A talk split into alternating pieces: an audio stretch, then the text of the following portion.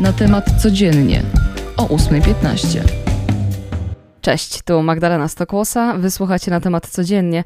Mamy poniedziałek, 27 grudnia i nasze poświąteczne spotkanie rozpoczniemy od rewelacji w sprawie trenera naszych piłkarzy. Paulo Sousa chce odejść z reprezentacji Polski. Prezes Polskiego Związku Piłki Nożnej Cezary Kulesza podał, że Portugalczyk chce rozwiązać za porozumieniem stron kontrakt z PZPN-em z powodu oferty z innego klubu.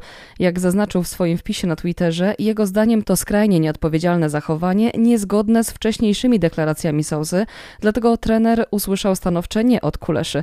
PZPN uruchomił już prawników, którzy mają przeanalizować umowę selekcjonera, co w takim razie z barażami, które rozpoczną się za trzy miesiące. No, jedno jest pewne, to że 24 marca powalczymy z Rosją, jednak to kto poprowadzi naszą kadrę, ciężko teraz tutaj spekulować, a więcej o całej sprawie piszemy na natemat.pl. Odsyłam Was po szczegóły. Zmiany ale w podróżowaniu wymusza na nas omikron, który szaleje w Europie. Od dziś w kilku państwach zmieniają się obostrzenia. W Austrii nie będzie możliwa nocna gastronomia, lokale będą zamykane od 22.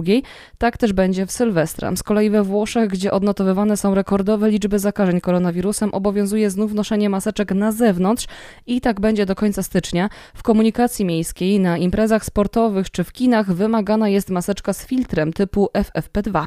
Z kolei we Francji ma się dziś zebrać po raz kolejny Rada Ochrony Zdrowia. Tam sytuacja jest coraz gorsza. W Boże Narodzenie odnotowano tam pierwszy raz od początku pandemii ponad 100 tysięcy zakażeń jednego dnia. Niewykluczone, że w najbliższych dniach zostaną tam wprowadzone restrykcyjne przepisy. Oprócz obostrzeń covidowych, które wprowadzane są w związku z pandemią, nowe dla kobiet wprowadza rząd talibów. Nie mogą one wybrać się w podróż dłuższą niż 72 km bez asysty bliskich męskich krewnych. Nie wolno im także przemieszczać się bez hijabu oraz słuchać muzyki. Jak pisze Weronika Tomaszewska na temat.pl, sytuacja kobiet w Afganistanie wciąż się pogarsza. Kilka tygodni temu zabroniono puszczania filmów fabularnych, w których występują aktorki, a dziennikarki w telewizji muszą nosić hijab. Zmieniamy temat i mamy podsumowanie, bo wiemy, ile w tym roku prezentów rozdał święty Mikołaj na całym świecie w te święta. Dokładnie 7 miliardów 623 miliony 693 263. To dane Dowództwa Obrony Północnoamerykańskiej Przestrzeni Powietrznej i Kosmicznej NORAD. NORAD od 1958 roku prowadzi program śledzenia świętego Mikołaja, który opuszcza biegun północny i podróżuje po całym świecie właśnie z misją dostarczania dzieciom prezentów co roku w Wigilię. E, NORAD śledzi to m.in. dzięki śladom jego sań, czy za pośrednictwem czujnika, który znajduje się w nosie jednego z reniferów. A dokładnie 103 lata temu rozpoczęła się podróż po wolną Wielkopolskę.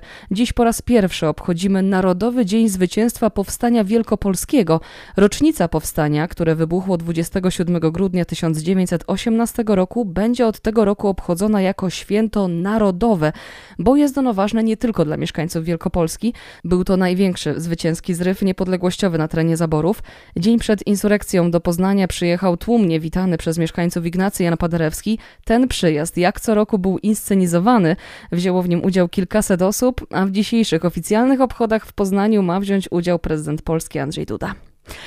To co, teraz kino i prawdziwy świąteczny hit Don't Look Up Netflixa, czyli Nie patrz w górę. I nie dziwię się zupełnie, że pozostają w topce popularności na platformie. To tak bardzo prawdziwy, gorzki i straszny obraz czasów, w których żyjemy, że myślę, że każdy powinien to zobaczyć. Jeśli nie dla fabuły, która jest świetna by the way, ale nie chcę wam tutaj zdradzać za dużo i psuć przyjemności, to dla tej obsady. No bo na ekranie cudowna Meryl Streep, Leonardo DiCaprio, Jennifer Lawrence czy Ariana Grande. Polecam.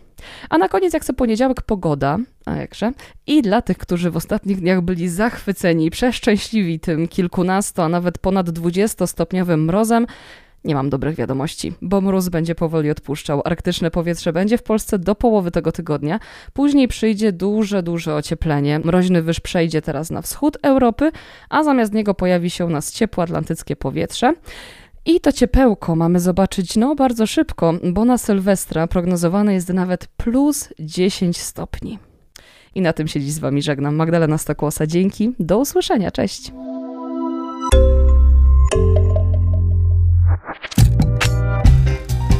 Na temat codziennie o 8.15.